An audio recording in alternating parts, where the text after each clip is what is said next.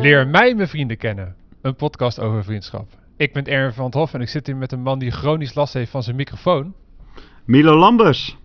En eh, wij, zi- eh, wij zitten helemaal niet met elkaar, eh, Erwin. Wij zitten op ongeveer eh, 80 kilometer hemelsbreed, denk ik. Ja, ik dacht misschien leuk om de illusie een beetje. Oh, beetje oh, ik, ik, ik verpest het al meteen weer. nee, we zitten op afstand omdat we in een perfecte storm nu zitten. Van eh, Ja. corona en sneeuw. ja, ja, dus eh, zeg eens sneeuw, eh, Erwin. Dat kan ik ook niet zeggen, net als Nee, ik hoor het al. Eens Sneeuw. sneeuw, Erwin. Snee, sneeuw. Snee, snee. Nee, ik, kan, ik, ik heb last van met die, om die eeuw goed uit te spreken. Sneeuw. Nou, dat, dat klonk aardig. Ik aardig. Nou. Hey, wij door de omstandigheden van de globale pandemie en de sneeuw en, eh, en de avondklok. en ja, eh, moeten wij nu eh, helaas op afstand een podcast opnemen. ja. En zonder gast, want er mag maar één iemand langskomen. Ja, wij zijn ja, nee, wel erg jammer, want we hadden Mark Rutte gestrikt. En nou ja, hij was helemaal klaar voor. Maar ja, hij kan dus helaas niet komen. Ja, hij heeft, hij heeft afgezegd. Dus Hmm. we moeten ons zelf nu gaan vermaken. Ja, Maar we hebben wel iets leuks bedacht. Want eh, ik vond dit wel een leuke gelegenheid om jou nog iets beter te leren kennen. Mhm. En eh, wat ik met jou wil doen deze aflevering is eh theeroulette. En, eh, Theeroulette. Oké, dat klinkt, spannend. wat is theeroulette? Ik drink heel veel Pickwick thee. En de marketingmensen van Pickwick die, die eh, hadden ooit eh, de briljante ingeving om allerlei existentie- existentiële vragen op hun theezakjes te zetten. Ja, Dus dan, eh, dus dan open je, dan word je gewoon 's ochtends wakker en dan, nou, dan heb je gewoon zin in thee. En dan, dan, dan open je dat theezakje en dan staat op dat theezakje staat ineens zoiets als van, van waar leef jij voor? ja. De vraag des je, levens. Jezus, Pickwick. ik ben net wakker. maar eh, nee, dit idee heb ik gejat van eh, de podcast De Eeuw van de Amateur. Daar hebben ze een rubriek dat ze elke keer die theezakjes doen. Nou ja. Eh, maar ik denk dat het voor ons heel goed is, omdat we worden zo meteen geconfronteerd met allerlei onverwachte vragen. Waardoor we elkaar misschien beter leren kennen, omdat dat vragen zijn die niet wij hebben bedacht, maar de marketingafdeling van Pickwick. Ja, ja, ja, precies. Kan jij even wat trommelgeroffel doen? Ik ga even de. Even, even een theezakje pakken. Oké, de eerste Pickwick theevraag. Wat was voor jou een levensveranderende ervaring? Zo! ik denk, ik denk... Dit bedoel ik, dat bedoel ik. Dus dan, moet je dus, dan wil je gewoon thee. Ik wil gewoon 's ochtends thee hebben. Dan krijg je dit voor je. Voor je Ja, dat, dat waren er natuurlijk wel meer. Ehm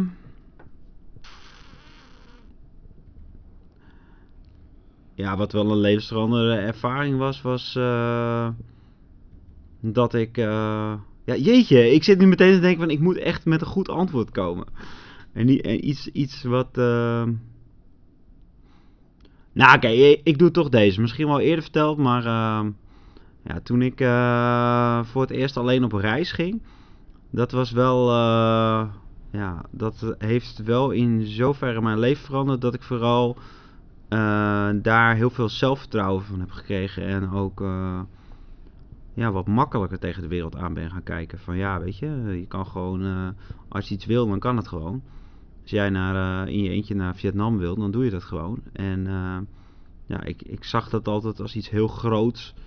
En iets, zeker omdat ik in die tijd ervoor een beetje eh, met mezelf in de knoop zat.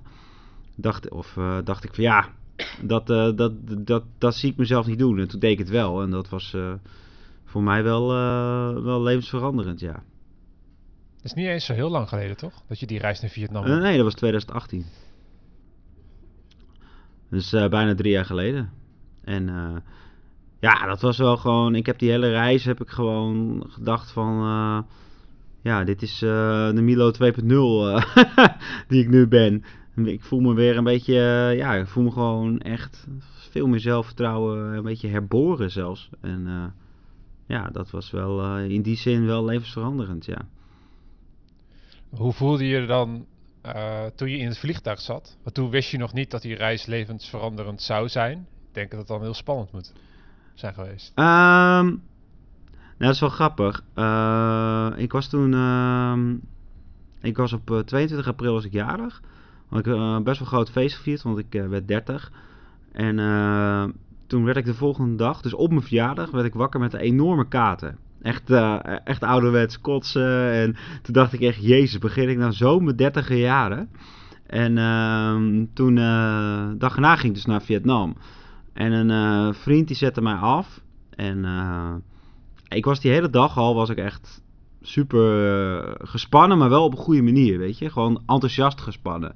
Oh, ik ga het gewoon doen, ik ga het gewoon doen.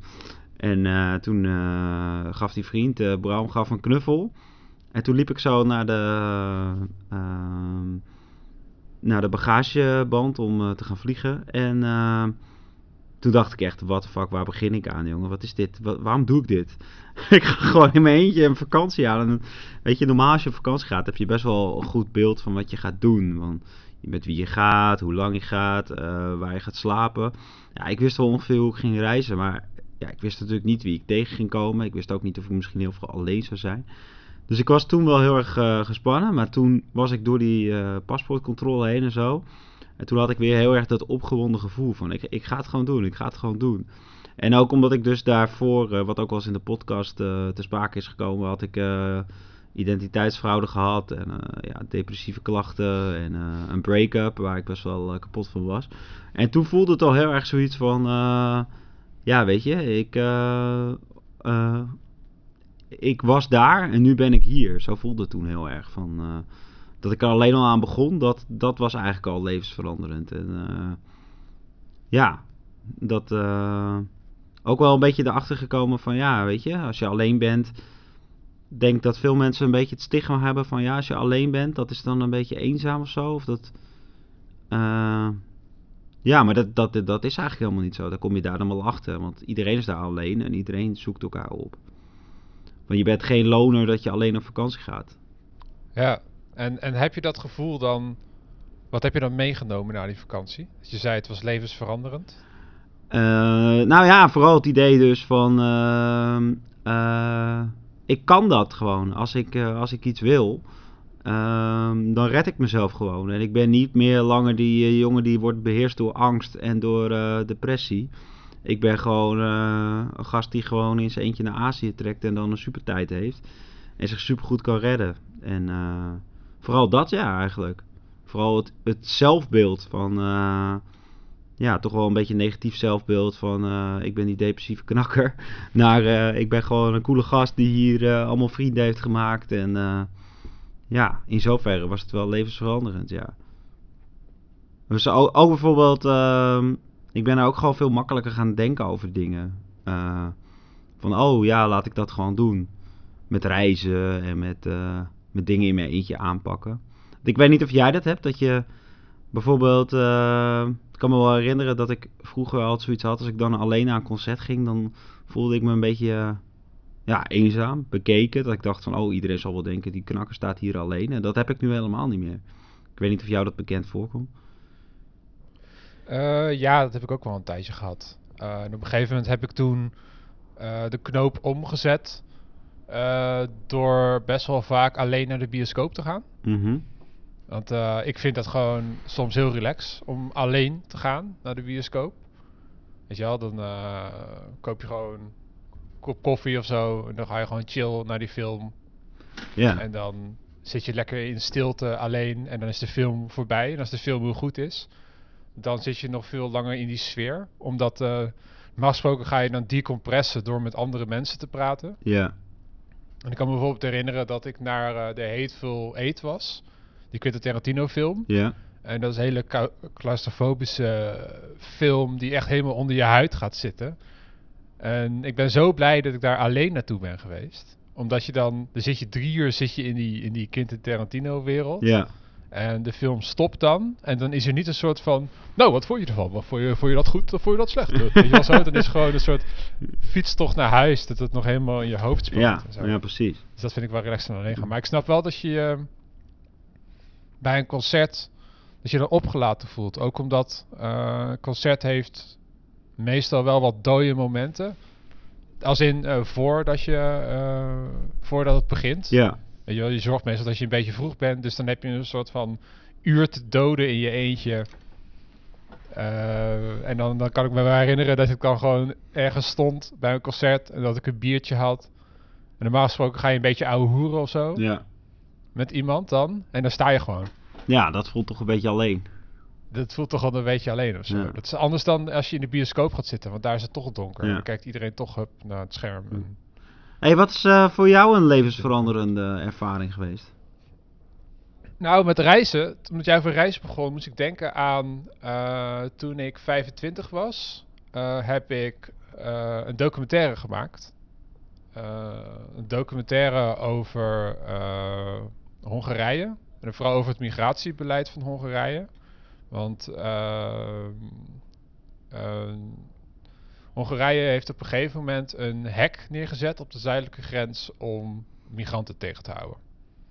En eh, Hongarije heeft een heel streng eh, anti-migrantenbeleid. En eh, met een xenofobische, dictatoriale, populistische partij.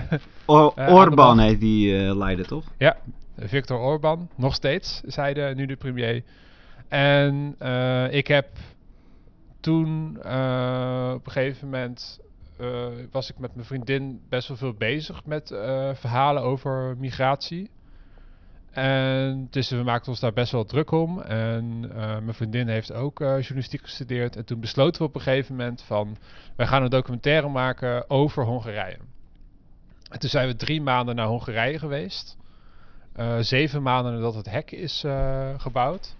En daar hebben we allerlei mensen geïnterviewd die eh, allemaal op een bepaalde manier beïnvloed werden door dat hek. Dus de mensen die het hek hebben neergezet, maar ook de vluchtelingen die daar worden geraakt en vluchtelingenorganisaties die proberen mensen te helpen. En de burgemeesters van grensdorpen die ineens zagen dat, eh, dat er een hek in hun achtertuin stond. waren zij daar blij mee? Nou, sommige burgemeesters waren er heel blij mee.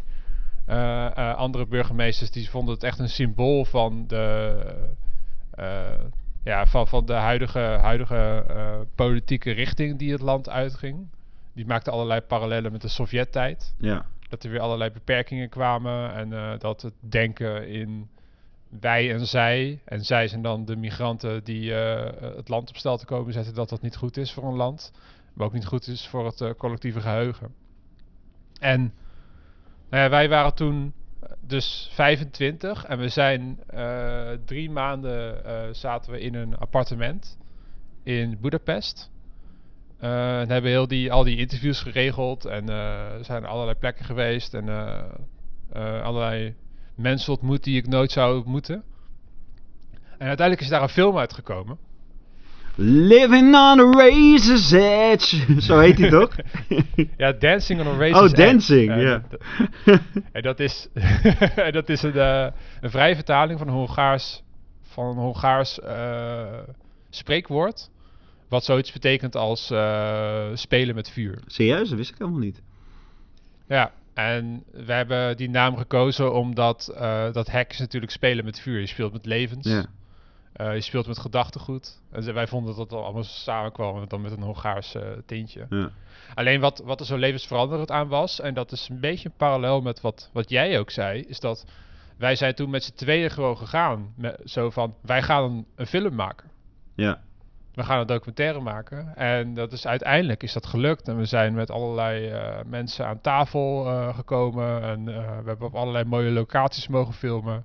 En eh, de documentaire is uiteindelijk vertoond op eh, meerdere universiteiten. En eh, ook op een filmfestival in Los Angeles. Dat was ook wel een, een hoogtepunt. Ja. Daar zijn we ook heen gegaan voor drie dagen toen. Dat het echt een bijzonder avontuur was. Ja. Kun, kun, je, nog- kun je nog even dat verhaal vertellen over dat je toen even dacht dat er niemand kwam naar die, naar die eh, vertoning van die film? Ja, wij waren daar op dat filmfestival.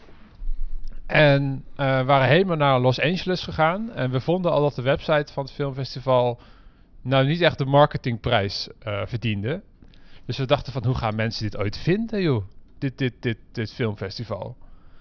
Gewoon. En toen gingen we naar, eh, ehm, naar de opening night en er was een documentaire. en die ging over, die ging over ehm, eh, activisme. Van, eh, van zwarte mensen, een soort, soort Black Lives Matters eh, activisme, maar dan al, dan al veel eerder. En die was een echt prachtige documentaire. Er volgde een, eh, een activist, een, een, jonge, jonge zwarte activiste die zich inzette voor de goede zaak. En ook hoe genuanceerd activisme kan zijn. Dus bijvoorbeeld, dan iets opgezet en dan, ehm, dan gingen mensen om haar heen, gingen rel schoppen. En dan zag je dat ze daar heel erg van baalden, want het ondermijnde dan de boodschap. En Oh, ja. het is echt prachtige documentaire. En wij zaten daar, opening night. En er was niemand. Was een hele bioscoopzaal. en dat was gewoon ik en, eh, en mijn vriendin. En we zaten daar, dat was het dan. Maar echt letterlijk, gewoon niemand anders. Ja, één, één zwerver zat achter ons. Oh mijn god. En wij dachten van... Wauw, oké, we zijn helemaal naar Los Angeles gekomen. en ik is niemand op opening night. ja, ja, achteraf dus, eh, zaten we wel een beetje de stress over. En achteraf... ehm, eh, achteraf bleek dat tijdens die openingsnight tegelijkertijd...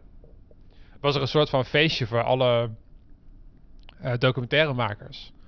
Dus alle mensen, alle documentairemakers, die waren naar dat feestje gegaan in plaats van naar opening night. Dus dat was gewoon een beetje ongelukkig was dat eh, gepland. Mm. Uiteindelijk waren er wel mensen gelukkig bij, eh, bij onze vertoning. Maar de- van tevoren dachten we echt van, we zijn gewoon voor, voor niks naar Los Angeles gegaan. Maar ehm, die hele, die parallel met jouw verhaal is wel dat op een gegeven moment heb je gewoon een idee, je gaat dit gewoon doen. En, ehm, nou, dat is dus die documentaire geworden. We zijn daarheen gegaan en eh, met vallen en opstaan is het ons gelukt om, eh, om daar de, de, de, eh, de beelden te draaien en de interviews te doen. En daarna het te monteren en daarna het, het, het vertoond te krijgen. En dat heeft voor mij echt heel erg ingeprent van...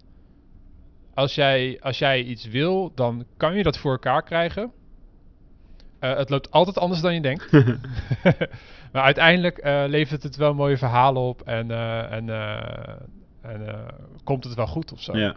Komt er wel iets uit Ja. of zo. En dat heb ik eigenlijk altijd meegenomen ehm, sindsdien. Ook, ook gewoon met mijn werkleven. Bijvoorbeeld het boek wat ik heb geschreven over freelance journalistiek, de nieuwe journalist. De reden dat ik het aandurfde om dat boek te gaan schrijven was omdat die documentaire gelukt was. Dat Mhm. is zo'nzelfde soort project. Zo van, ja. We gaan dit gewoon doen en we zien wel waar het schip strandt. En dan duurt het allemaal eh, een jaar langer dan je denkt. Ja. eh, met alle stress van dien. Maar uiteindelijk heb je wel een boek. ja. Eh, heb je wel, kan je wel mensen helpen met het verhaal wat je Ja. te vertellen hebt. Hoop ik dan. Hey, Dus, hit eh, me with another one. Ja, echt. eh even kijken hoor. We Ja, het- het al 20 minuten. Ja, het is echt meteen een heftige vraag gewoon, hè? Ja, ik hoop, ik hoop dat de volgende wat, eh wat lucht. Helemaal niet. Ik vind het eigenlijk wel leuk. Trouwens. Oké. De volgende vraag, Milo, Ja. van de theeroulette is: Bij wie vind jij rust?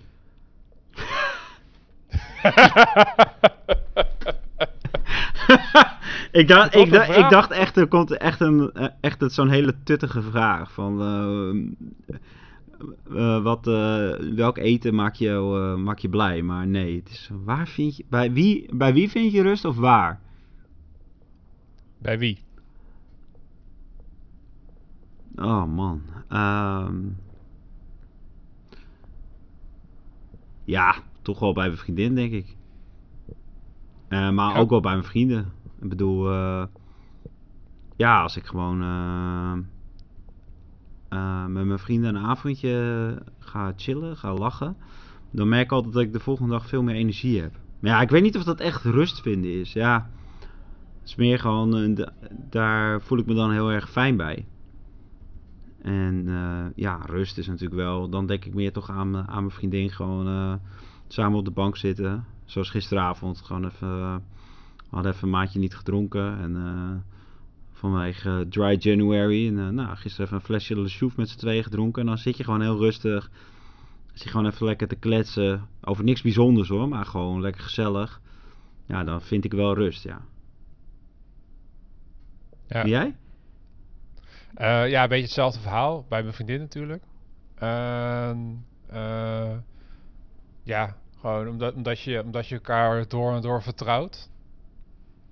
dus, dus, dus er is geen, er is geen ehm, eh, performance.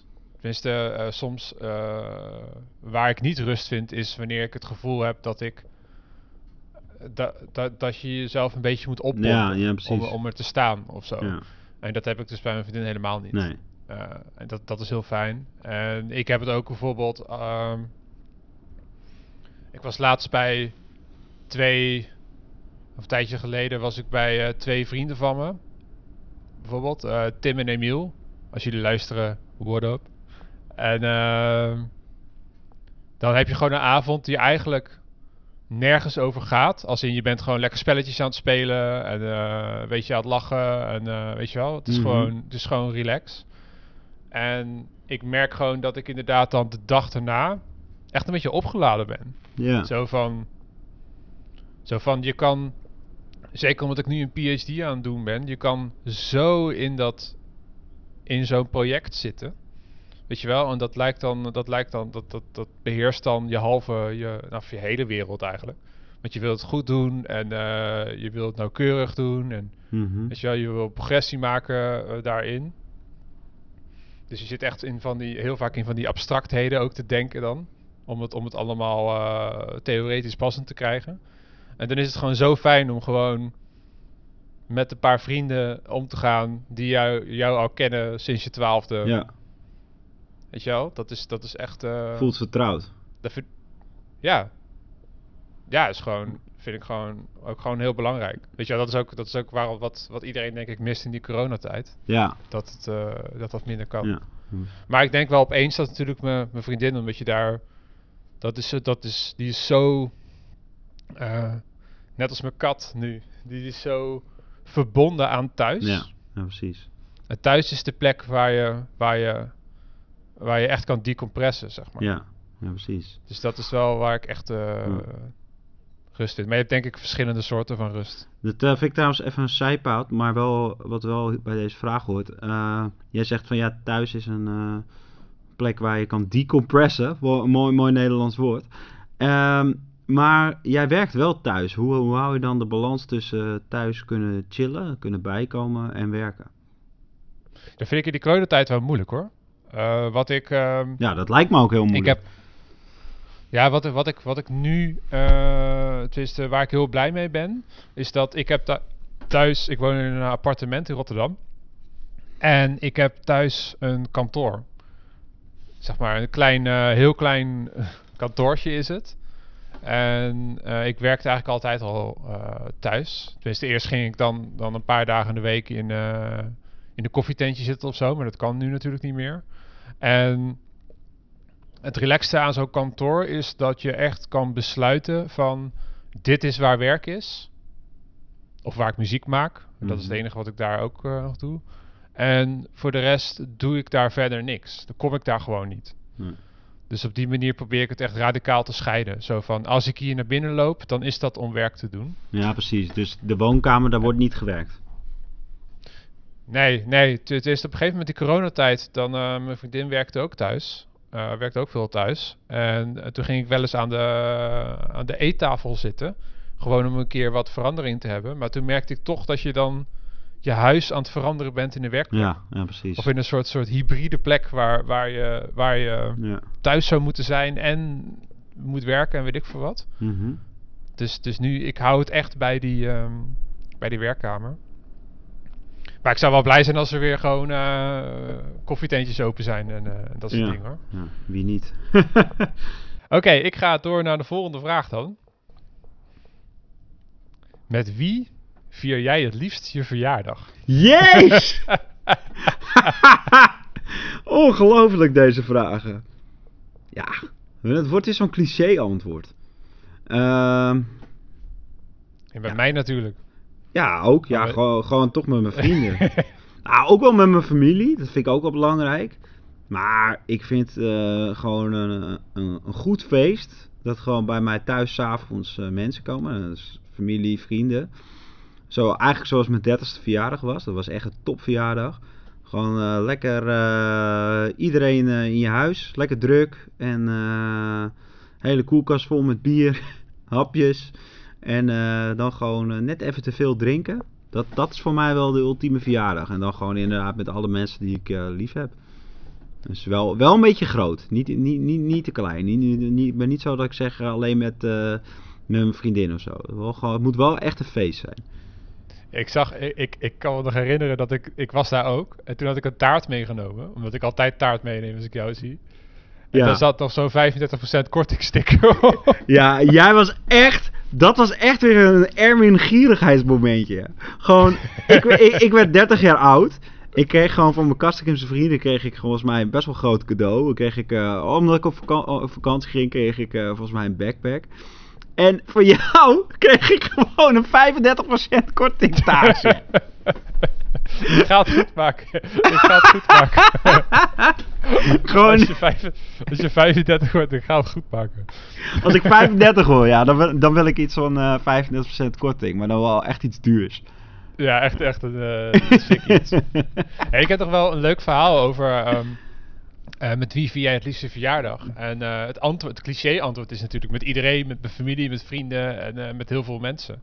En ik kan me herinneren, en eh, ik weet dat mijn ouders luisteren, dus misschien vinden jullie het ook wel grappig om te horen, dat ik ooit een keer dacht van... eh, want ik had altijd dat, dat, en toen was ik, woonde ik nog thuis, dus ik moet echt, echt best wel jong zijn geweest. Een puberleeftijd of zo. En ik dacht van, hé, hey, eh, ik vierde altijd één avond mijn verjaardag met vrienden. En één avond met mijn familie, ooms en tantes en weet ik veel wat. Mhm. En ik heb één jaar een keer gezegd, uit een soort van idee van, van... Het is toch gezellig als iedereen er is, om dat tegelijkertijd te doen. Maar dat is toch helemaal niet handig als je puber bent? Nee! dus Dat dus wat je bleek. wat bleek, was dat dan krijg je dus een soort awkward situatie. Want als je puber bent en eh, al je vrienden komen, dan, dan wat ga je dan gewoon doen? Tenminste, in mijn, in mijn wereld. Dan ga je gewoon bier drinken met z'n allen en een beetje keten. Ja. Maar mijn ooms en tantes, die zaten er ook. Dus ik weet nog wel dat, eh, dat we buiten in de tuin zaten en al mijn vrienden gewoon bier te drinken en zo. En binnen zaten gewoon mijn ooms en tantes en eh, wat, weet je wel, was het wat keuriger, om het maar zo te zeggen. ja. En dat werd een hele rare clash van verschillende mensen, weet je wel. Mijn oma En liep, en liep, en, eh, liep het ook uit de hand of viel dat nog mee? Nou, het was vooral heel erg, heel erg druk en het was een beetje, het was een beetje ongemakkelijk gewoon. Ja.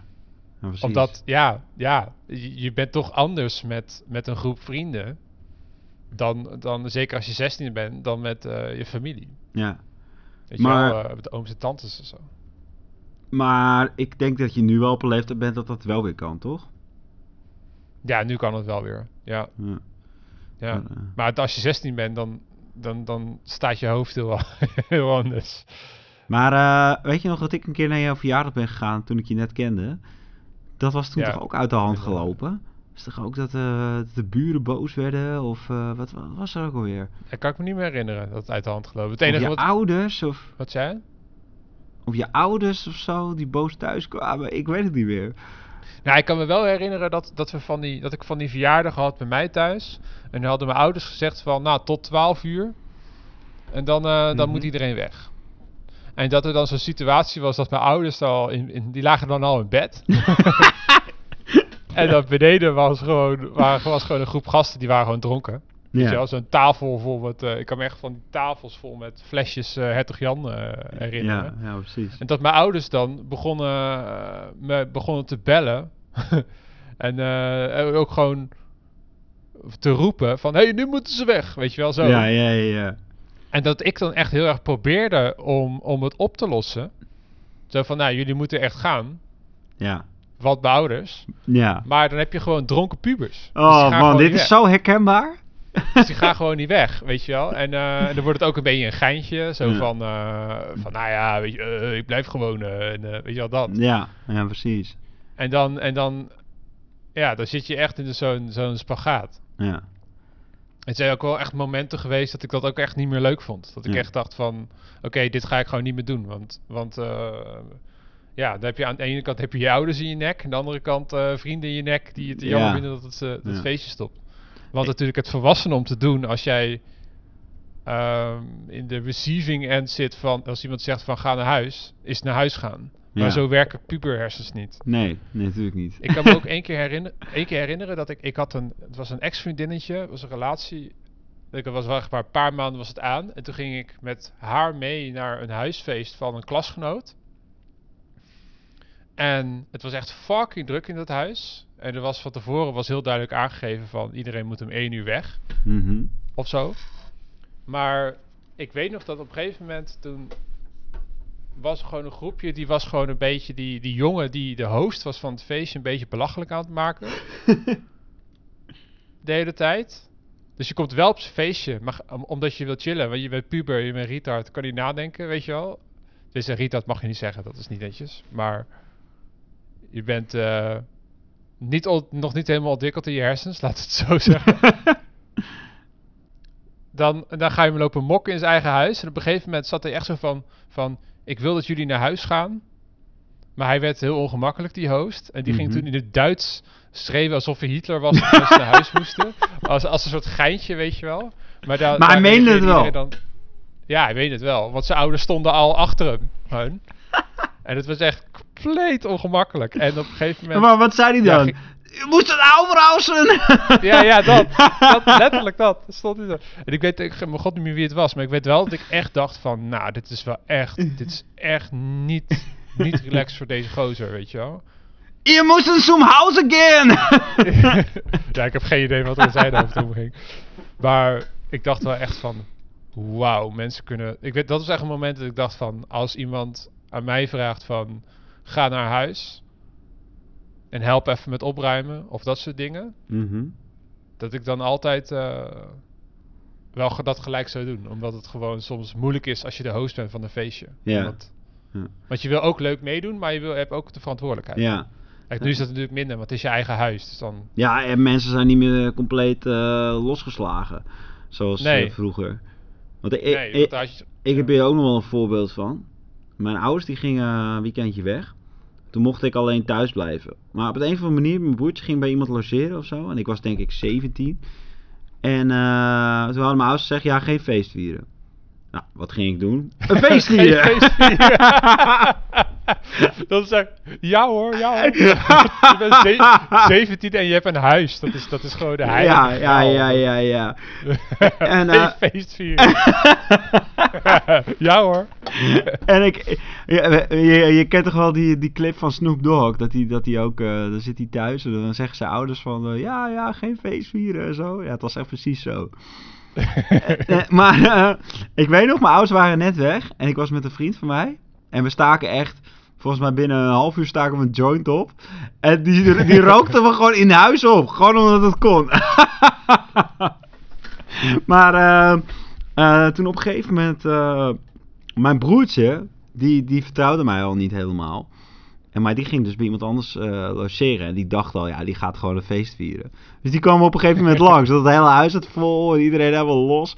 En zei ja, toen wilde hij hem daarmee gaan chanteren. Van, eh, ja, weet je, ik wist dat je een feest ging. ik ga het vertellen en zo. eh. maar toen op een gegeven moment, eh, het was niet eens zo heel druk. Ik denk dat er misschien twintig mensen waren of zo. Nou ja, is ook wel weer redelijk wat. Maar Het is wel druk. ja, het is wel druk eigenlijk. Ja, ja, maar het is een ander verhaal. Mijn broertje heeft een keer een feest gevierd. Nou, dat was echt niet normaal. Ik denk dat dat toen 60, 70 man was. Dat was echt een legendarisch feest. Eh, dat mocht trouwens wel, maar toen had hij gezegd van ja, er komt, er komt een mannetje op 20. Toen had hij zijn hele bedrijf uitgenodigd waar hij toen werkte, bij de BCC. maar eh, dat is ook, eh, ook een mooi verhaal, maar dat is niet echt suitable voor, voor deze podcast, denk ik. Want het liep behoorlijk uit al. Nou, zijn wat, wat seksverhalen en zo. Maar ja, ja, op zich kan ik het wel vertellen. Maar, maar eerst even mijn eigen feest. Op een gegeven moment... Toen, Eerst mijn eigen en- en feest. ik, was, Ja, ik was dus een beetje stoned. En dronken en weet ik het allemaal. En ik weet nog dat ik zo om me heen keek. En iedereen was gewoon binnen joints aan het roken en aan het suipen. En overal lag troep. En toen raakte ik in een vette stresssituatie. Dat ik echt dacht, we moeten dit opruimen voordat mijn ouders komen. En toen wilde ik gewoon meteen gaan opruimen. En vrienden hebben het er ook nog wel eens over. Dat ik echt helemaal in een soort manie was van... Jongens, we moeten opruimen. We moeten opruimen. Het, wordt dit is, het hele huis is een teringzooi. En ik, was gewoon, ik, ik raakte gewoon helemaal in stress. Ook door dat mijn broertje langskwam. En ik dacht, oh, de buren gaan het vertellen aan mijn ouders. Maar eh, ja, volgens mij is dat uiteindelijk nooit gebeurd. Maar eh, ja, even die verjaardag over van, mijn- van mijn broertje. Ehm, dat, eh, wat, dus wat ik zeg, hij had er iets van een 60 man uitgenodigd. Het was echt verschrikkelijk druk. En eh, ik denk dat mijn broertje ook een jaar of eh 18 was of zo. En eh, hij had ook wat, eh, wat eh, meiden uitgenodigd. En eh, die kenden hij van vakantie of zo. En op een gegeven moment, eh, ja, hoor zo boven, van boven horen we een enorm gegil en gelach. Dus iedereen, zo, echt iedereen, 60 man, meteen helemaal stil. En Elmer komt zo naar beneden en hij moet vet hard lachen, maar ook een beetje ongemakkelijk. En eh, wat bleek nou? Hij, hij, eh, hij was even naar boven gegaan om te pissen, want er was boven ook een wc en eh, naar beneden was het allemaal druk. En toen dacht hij, ik hoor iets in mijn slaapkamer. En toen was dus een, meisje wat hij van vakantie kende, die was echt 16 of zo. Die was gewoon, ja, dat feest was ook nog helemaal niet lang bezig, maar die was gewoon met een, met een gast die ook op dat feestje was, was gewoon het bed ingedoken. Meteen. Gewoon, eh, gewoon binnen een uurtje of zo. En mijn broertje had ze dus betrapt. Want het- die ging gewoon niet zo bemoedend die kamer in. En eh, toen zag je gewoon de hele twee mensen daar even neuken. En eh, nou, dat was echt eh één grote chaos. En toen waren er ook nog, ja, ik, ik weet niet, wat allemaal pubers allemaal van die rare dingen doen. Maar er was ook een stel dat seks gehad op, eh, op, het, eh, op het toilet. En eh, toen kwam de legendarische uitspraak de volgende dag van mijn broertje van... eh, ja, er wordt wel veel ge- geneukt in huizen Lambers. Alleen niet door de Lambersen zelf.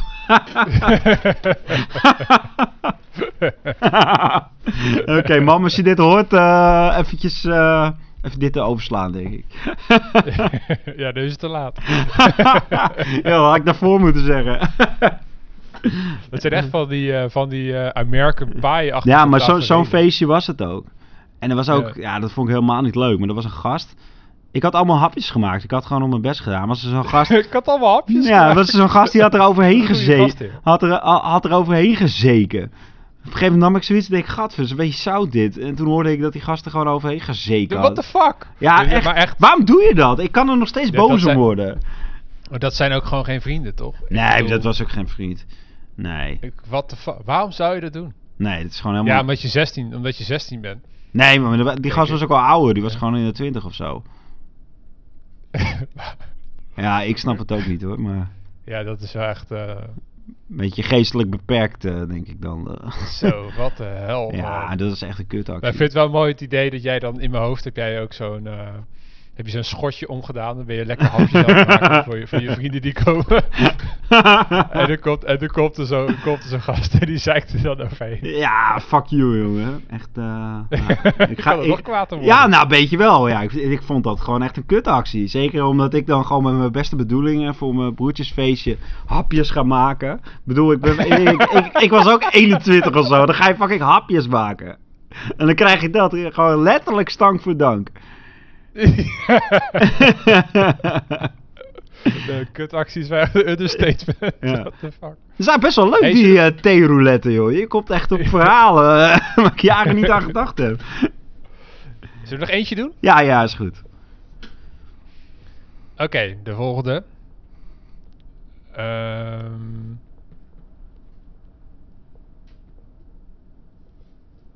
Deze is leuker. Wie zou je meenemen naar de maan? Ja, jou. Dat lijkt me echt, dat lijkt me echt serieus prachtig. Dat wij gewoon naar de maan gaan samen. Weet je hoeveel lol we dan zouden hebben? ja, ik, de- ik zie dat zo zitten. Heb je zo'n. eh, er gaat natuurlijk wel zo'n space shuttle en zo. Dan zitten we helemaal met die astronauten pakken naast elkaar. en kijken we elkaar aan. Ja. En dan is het. Yeah, yeah, here we go! to the moon! To the moon! Ja, dan zijn we de hele, de hele tijd liedjes aan het zingen. Ja. Over de moon. Ja. Ja. En, en de moonwalk David, doen. David Bowie blaren. Ja. Ja, en dan, dan, en dan zijn we dan samen op de maan.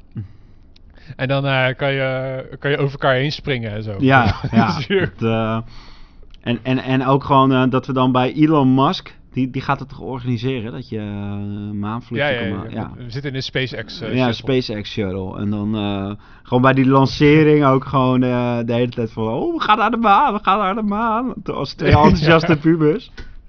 Ja. Ja, helemaal niet professioneel. Nee, nee, nee, gewoon niks professioneels aan.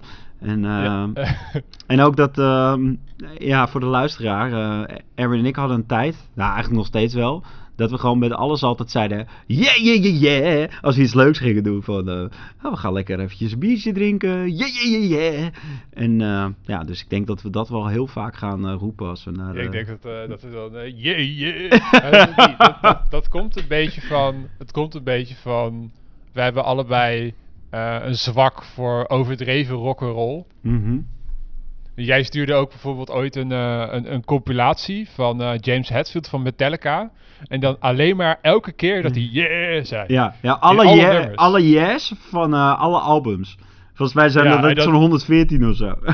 ja, dus dan heb je gewoon een, een reeks en die klinkt echt als yeah, yeah, yeah, yeah, yeah, yeah. En daar is het van gekomen. Want op een gegeven moment als ze wat gingen doen, dan was het van yeah, yeah, yeah, yeah. ja, ja, Ik zie het wel precies. voor me hoor. Naar de dan, maan. eh, ja. ja, en dan worden we ook samen van die, eh, van die nationale helden. Dus dan kunnen we gewoon samen daarna lekker Kan we, eh, praten over onze ervaringen. Ja, dan wordt onze podcast eindelijk beluisterd door veel mensen. Omdat we Ja. naar de maan zijn geweest. Ja. Want, ja. Lijkt me goeie. ik heb nu echt zin in met jou naar de maan. ja, ik ook. Maar, Ja. Ja, want eh, ze zijn er wel weer mee bezig, toch? NASA ook en zo, om naar de maan te gaan. Eh, volgens mij wel. Volgens mij is het plan. eh tenminste, ik volg het niet op de voet. eh, het hele SpaceX, NASA. SpaceX en NASA werken natuurlijk samen. Mhm. eh, verhaal. Maar volgens mij is het idee, het, het, het streven. is om uiteindelijk een basis op de baan te hebben. Oké, vet. Dus eh, de eerste stap eh, om dat voor elkaar te krijgen was natuurlijk in het afgelopen jaar dat, eh, dat er voor het eerst in, in volgens mij in decennia een Amerikaanse crew richting in de ruimte is geweest. Ja. Vanwege de samenwerking tussen NASA en Tesla. Mhm. Dus ik, ik, weet er, ik weet er het fijne niet van. Maar ehm, eh, astronauten, het heeft toch altijd. Het is toch altijd een soort van droom van heel veel jonge mensen. Van wa- wat wil je worden? Astronaut staat wel heel hoog in ja, de. ja, maar ja, het heeft natuurlijk eh, ook iets heel romantisch, weet je. Dat je gewoon Mhm. naar de maan gaat. En... Maar aan de andere kant, als je er nou echt over nadenkt, hè, dat het gewoon echt mogelijk zou zijn dat wij naar de maan gaan. Wat, ja, wat, wat, wat, wat is daar de meerwaarde van? Van, van naar de maan gaan als mensheid? Of, Ja. Nou, ik denk dat, dat je, je zou wel kunnen zeggen dat er. Wij hebben internet vanwege eh, eh, ruimteprogramma's. Ja, satellieten en zo, maar is dat puur... Satellieten en zo. Dat, dat is, dat is de, reden, de, de hele reden dat wij nu kunnen praten eh, met elkaar. Ja, ja, dat is waar. Heeft wel verband met, eh, met de ruimtevaart, denk ik. Nou ja, En- dat is toch gewoon een internetverbinding. Het is niet, heeft niks met satellieten te maken, volgens mij. De internetverbinding heeft wel te maken met satellieten. Zeker als je 4G gebruikt en zo. Ja, oké, maar dit, dit gaat toch gewoon via de kabel? Ja, volgens mij wel. Ja. Maar goed, met 4G Maar- en zo wel, ja. Nou, volgens mij zijn de argumenten voor ruimtevaart. Als, eh, ik, zie, ik zie het een beetje in, in twee categorieën. Eén, je hebt. eh, je, je ontwikkelt technologie die ook op andere vlakken eh, zou kunnen helpen. Bijvoorbeeld. eh, om een voorbeeld Tesla. Eh Elon Musk is eigenaar van Tesla, maar ook van SpaceX. En ook van een, een, eh, een ander bedrijf wat zonnepanelen eh, ontwikkelt. Mhm. Nou ja, als jij in de ruimtevaart, als jij naar Mars zou willen bijvoorbeeld, dan heb je betere zonnepanelen nodig. Die, die beter energie kunnen opslaan en betere batterijen en dat soort zaken. En als je die gaat ontwikkelen, dan kan je die ook weer gebruiken bijvoorbeeld om elektrische auto's beter te maken. Ja. Dus ik denk wel dat er een soort synergie is tussen verschillende industrieën, eh, zodat je vooruit komt. Dus dat is het technologische argument. En aan de andere kant heb je natuurlijk het, waarom zou je als mensheid dingen willen ontdekken? ja, maar het is natuurlijk ook heel erg eh, een prestige kwestie. Van eh, ja, de Amerikanen, wij zijn als eerste op de maan geweest. En de Russen, van wij waren als eerste in de ruimte met een mens. En met Mhm. een hond. Dat, ja, ik heb altijd... Laika. Laika, ja. Wat, wat is er eigenlijk met Laika gebeurd? Die is er gewoon nooit teruggekomen, toch? Ik weet het niet. Is die gewoon gestorven in de... Ja, ik denk het wel. Ik denk niet dat hij, eh, dat hij zelf zijn landing heeft ingezet eh, met zijn ruimteschip. Arme, arme, arme Laika. ja.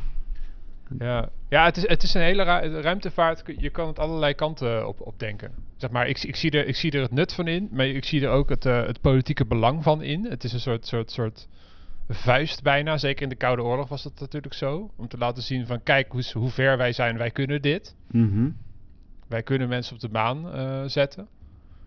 Ehm, aan de andere kant is het natuurlijk ook gewoon raast interessant om te kijken wat er, wat er eh, ja, buiten onze wereld is. Ja. En het, het stipje aan de horizon van, van Musk, wat gewoon een soort meme is nu. ja. Maar wat hij volgens mij wel echt denkt, is dat, dat we uiteindelijk op Mars zouden kunnen leven.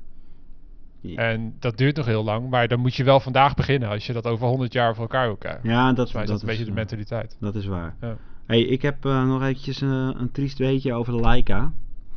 Eh Laika was in Moskou van de straat gehaald.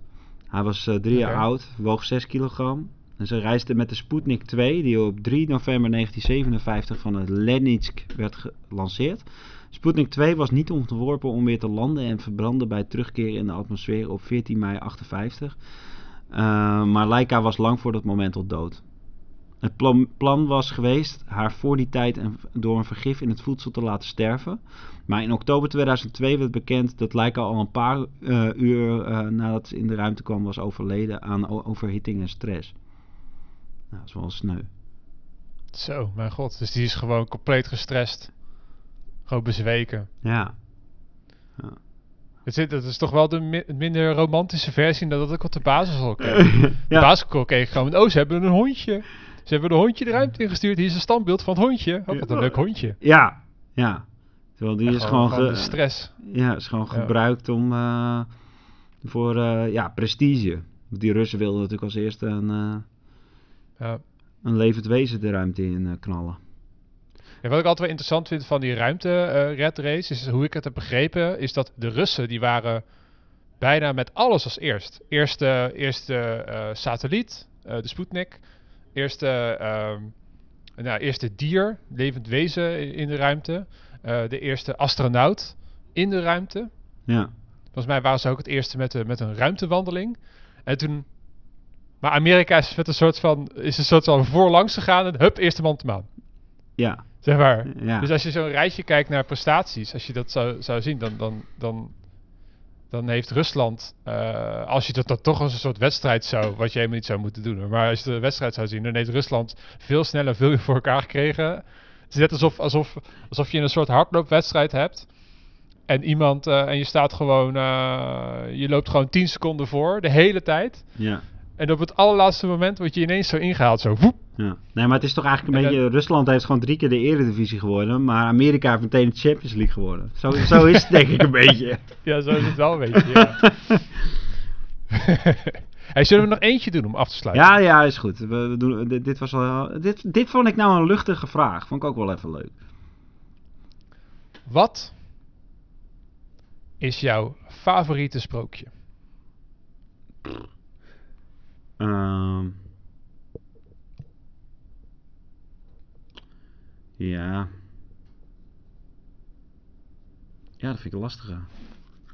Heb jij meteen eentje dat je denkt, nou die... eh, Eh, ja, nou, het, het, het, het is een beetje een vage herinnering. Ik weet dat mijn moeder heeft ooit een boek aan me voorgelezen. En dat heet eh, het, het Sleutelkruid. mhm.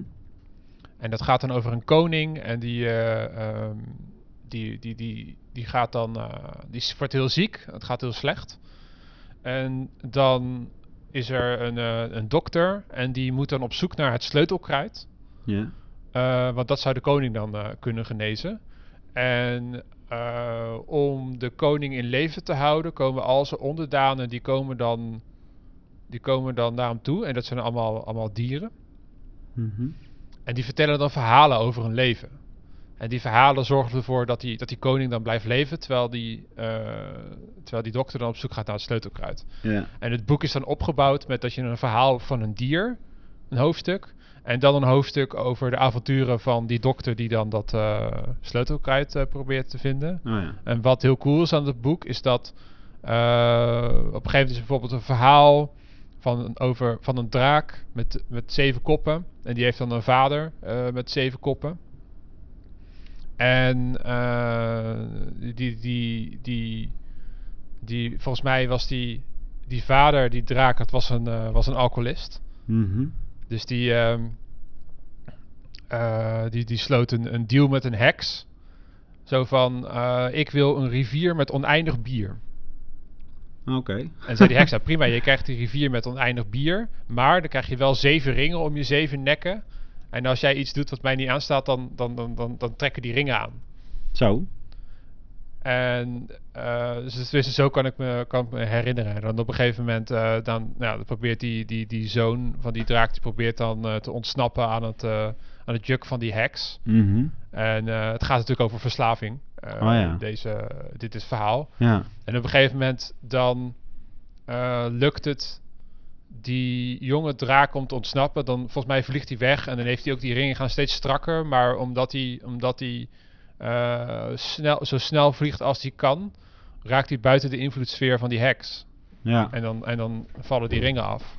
En op een gegeven moment heb je dan het hoofdstuk van die, eh, van die dokter die het sleutelkruid zoekt. En eh, nou, die gaat dan door heel het land heen op zoek naar het sleutelkruid. En op een gegeven moment ziet hij dan het skelet van een draak met zeven koppen. Mhm. eh, die met zijn kop, met al die koppen zo in een rivier ligt. Zo. Heftig dit. En dat is dan die bierrivier. Ja, dat dacht ik al, Dus ja. die heeft zichzelf eh, doodgedronken. Ja. Dus zo kan ik me herinneren. Het is heel lang geleden. En ik heb het één keer gehoord als kind. Hm. Maar dat verhaal heeft heel veel indruk op Ja, me dat- gemaakt. dat- het gaat dat natuurlijk lijkt. over, over eh, hoe heftig een verslaving kan zijn. Ja. En hoeveel je op wil offeren voor een verslaving. En ook hoe moeilijk het is om daaraan te ontsnappen. Ook als je eh, het kind bent van iemand die eh, verslaafd is. Ja. Maar als, het kan ook zijn dat ik dit verhaal helemaal mooier heb gemaakt dan het is. En veel Hoe, hoe heet het nou? Sleutel, het is. sleutelkruid. Het sleutelkruid. Ja. Ja. Oké. Het is wel een kinderboek. Dus misschien ben ik het gewoon allemaal mooier aan het maken dan het is. Maar zo leeft het eh, verhaal voort in mijn hoofd. Ja, precies. Nou, is toch mooi. Het is al een sick sprookje, Ja. vind ik. Nee, ik weet wel nog, nou, ik weet wel nog dat mijn vader eh, altijd eh, verhaaltjes voor mij bedacht. Uh, gingen we slapen en dan vertelde hij altijd een verhaal over een jongetje. Dat, was de zoon van een arts. En hij moest arts worden, maar dat wilde hij helemaal niet, want hij wilde piraat worden. En dan was hij naar de haven geslopen en dan had hij daar zich aangesloten bij de piraten. En ja, dat was natuurlijk helemaal geen bestaand sprookje, maar mijn vader vertelde dat altijd. En dan maakte hij allemaal avonturen mee. En uiteindelijk ging hij toch weer naar huis. Omdat hij vond dat hij voor zijn, voor zijn ouders moest zorgen en zo. En dat vond ik wel, wel- Ja. dat is me wel echt bijgebleven. Maar verder ja, moet ik zeggen, ik zit nu zo te denken. Ik denk van ja, repelsteeltje komt me te binnen. Maar ik zou je het verhaal niet precies meer kunnen vertellen. Dus nou ja, nee, laat ik, laat ik mijn vaders eh, sprookje maar eh, als favoriete kiezen. ik zou niet meer weten hoe die heet. Ja. Dat er nog een moraal in of zo? Ja, dat weet ik niet meer. Ja, volgens mij, ja. Nou, nee, dat weet ik niet meer, man. Ik was vier. ik weet niet meer, man. Ja. hey, ik vond het een leuke, leuke aflevering. Eh eens een keer iets anders. En ehm, ook leuk dat we toch eh, van afstand eh, nog een aflevering kunnen maken. Met, met dank aan Laika. Door haar inspanningen eh, werken, ja. is deze... ja, en met dank aan Pickwick. Want, Ja, want, zeker, ja. eh, het, het, het, het grappige is, is dat het... Ik zou zelf als marketingafdeling, zou ik denken van... Het is ook een beetje cringy om dit soort eh existentiële vragen eh, op theezakjes te zetten. ja. Maar het is ook wel weer... eh, Ja, het heeft, het heeft toch wel tot, tot een leuk gesprek geleid Ja, of zo. ja, zeker. En eh, Ja. eh, ook, ook weer weer verrassende dingen. Dus, Ja. eh, ik had niet gedacht dat we het vandaag over eh, de, de ruimtevaart zouden hebben. nee. ja, of over, de, over de, de, de feestjes van je broertje. ja, ja, precies. Hey, Hey, ik wil e- even een, eh, eh, om te eindigen een oproep doen aan de luisteraar. Ja, jij. Ik zit in, ik zit in je oren nu. Ehm, wij zijn altijd op zoek natuurlijk eh, naar manieren om onze podcast meer onder de aandacht te brengen. En wij merken dat mondelinge reclame eh, de allerbeste reclame is. Dus eh, wat ik zou willen vragen is, als jij dit nou een leuke podcast vindt eh, en je haalt er wat uit, of je hebt naar aanleiding van deze podcast leuke gesprekken gehad met vrienden, deel deze podcast dan met die vrienden. En kijk bijvoorbeeld in WhatsApp en kijk naar de laatste 10 mensen waar je mee geappt hebt. En het maakt niet uit of dat eh, hè, een collega is of, eh, of iemand die niet zo goed kent. En deel dan gewoon deze podcast. Vind ik een heel goed idee. Want wij eh. denken dat het gewoon leuk is om eh, de podcast met zoveel mogelijk mensen te delen. Zodat we op een gegeven moment ehm, eh, ook input van jullie kunnen krijgen. Eh, bijvoorbeeld voor afleveringen eh, of, of voor thema's die we willen bespreken. Yes. Dus deel deze podcast met iedereen die je kent. En eh, volg ook onze sociale mediakanalen. En wat zijn die, Milo? Eh, dat is at, eh, vrienden kennen op Twitter. Leer mij mijn vrienden kennen op Facebook. En leer mij mijn vrienden kennen op Instagram. Verder kun je mij bereiken op Lambers op Twitter. En Erwin is Erwin VT Hof op Twitter. Dus bedankt. Voor nu heel, erg heel erg bedankt voor het, heel erg bedankt voor het luisteren. In deze, in deze, deze sneeuwstorm Ja. En, eh, theeroulette aflevering. Sneeuwstorm eh, Theeroulette aflevering. Zo noemen we deze. Zo, gaan, zo gaan we hem doen. Ja. en tot de volgende keer.